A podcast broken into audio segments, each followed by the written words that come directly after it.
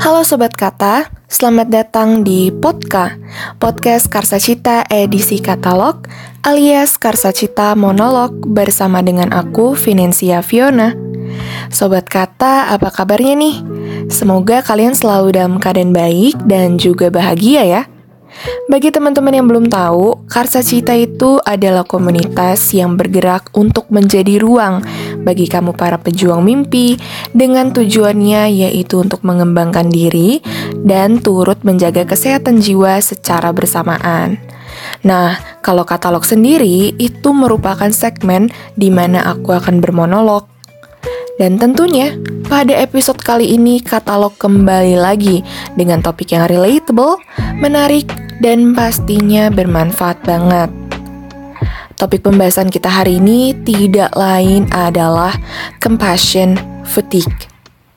Tanpa kalian sadari, compassion fatigue ini sering kali terjadi pada diri kita loh.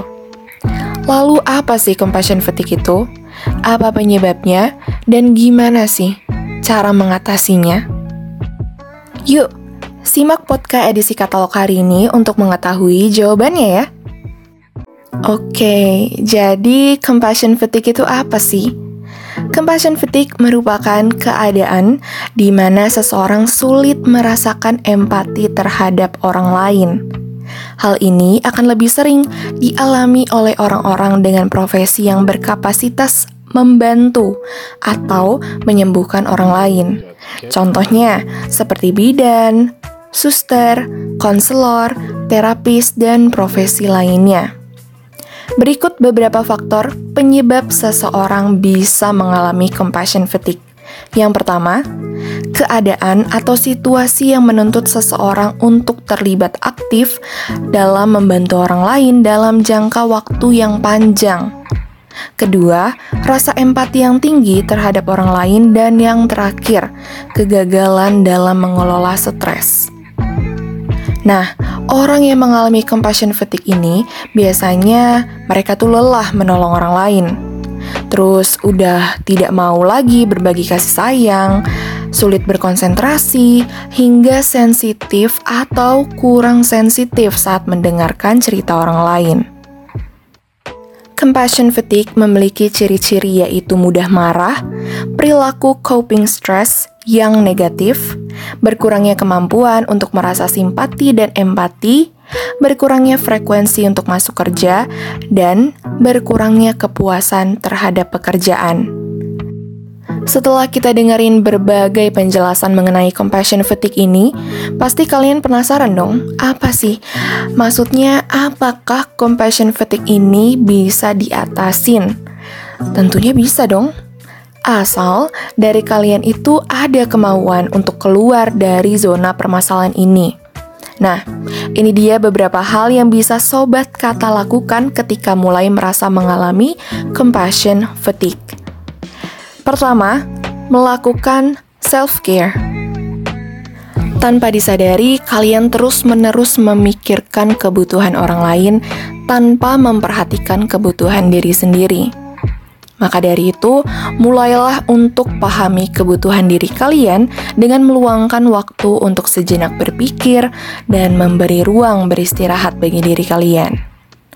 Yang kedua, tetapkan batas emosional. Hal yang dapat kalian lakukan adalah dengan tetap menunjukkan kepedulian dan empati terhadap orang lain tanpa menjadi terlalu terlibat dan menanggung penderitaan orang tersebut. Ketiga, menjalin persahabatan yang berkualitas. Membicarakan hal-hal yang lucu, spontan, ringan, dan random bersama sahabat bisa membantu kalian untuk memberikan rasa lega terhadap emosi yang selama ini kalian rasakan. Yang keempat, lakukan strategi coping yang positif. Buatlah daftar strategi coping positif yang kalian sukain, seperti meditasi, jalan-jalan, menonton film, atau hanya sekedar melakukan pernapasan dalam.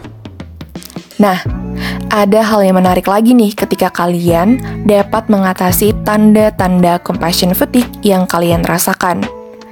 Coba bayangkan ketika kalian hanya fokus memikirkan penderitaan dan kebutuhan orang lain.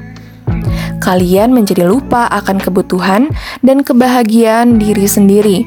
Bahkan, bisa jadi kalian akan diliputi rasa cemas dan emosi yang gak stabil. Hingga pada akhirnya kalian gak akan mampu membantu siapa pun ketika merasa kelelahan. Namun, ketika kalian mampu mengatasi compassion fatigue, maka kalian dapat menyeimbangkan pemenuhan kebutuhan diri dan orang lain. Jadi, di satu sisi kalian tetap membantu orang lain, namun di sisi lainnya kalian memiliki ruang untuk menerapkan self-development.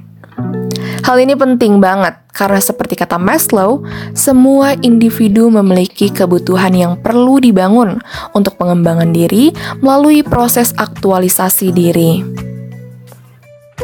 Bagi sobat kata yang merasa bahwa kalian sedang mengalami compassion fatigue, it's okay. It's normal to be happen. Jangan khawatir berlebihan ya teman-teman. Kelelahan baik secara mental maupun fisik itu merupakan hal yang wajar. Itu adalah salah satu bentuk reminder dari tubuh kita untuk rehat sejenak dari rutinitas. Take a deep breath dan kembali fokus pada kesehatan mental dan fisik diri sendiri. Berempati dan berbuat baik dengan memberikan bantuan pada orang lain memang hal yang baik, tapi jika dilakukan secara berlebihan justru hmm, bisa berdampak buruk pada diri kita sendiri ya. Karena terlalu sibuk menolong orang lain, jangan sampai sobat kata tuh lupa untuk memperhatikan dan menolong diri kalian sendiri ya. Nah, itu tadi pembahasan terkait dengan compassion fatigue. Terima kasih sudah mendengarkan podcast edisi katalog pada hari ini. Semoga bermanfaat. Have a nice day and don't forget to be happy. See ya. Kick.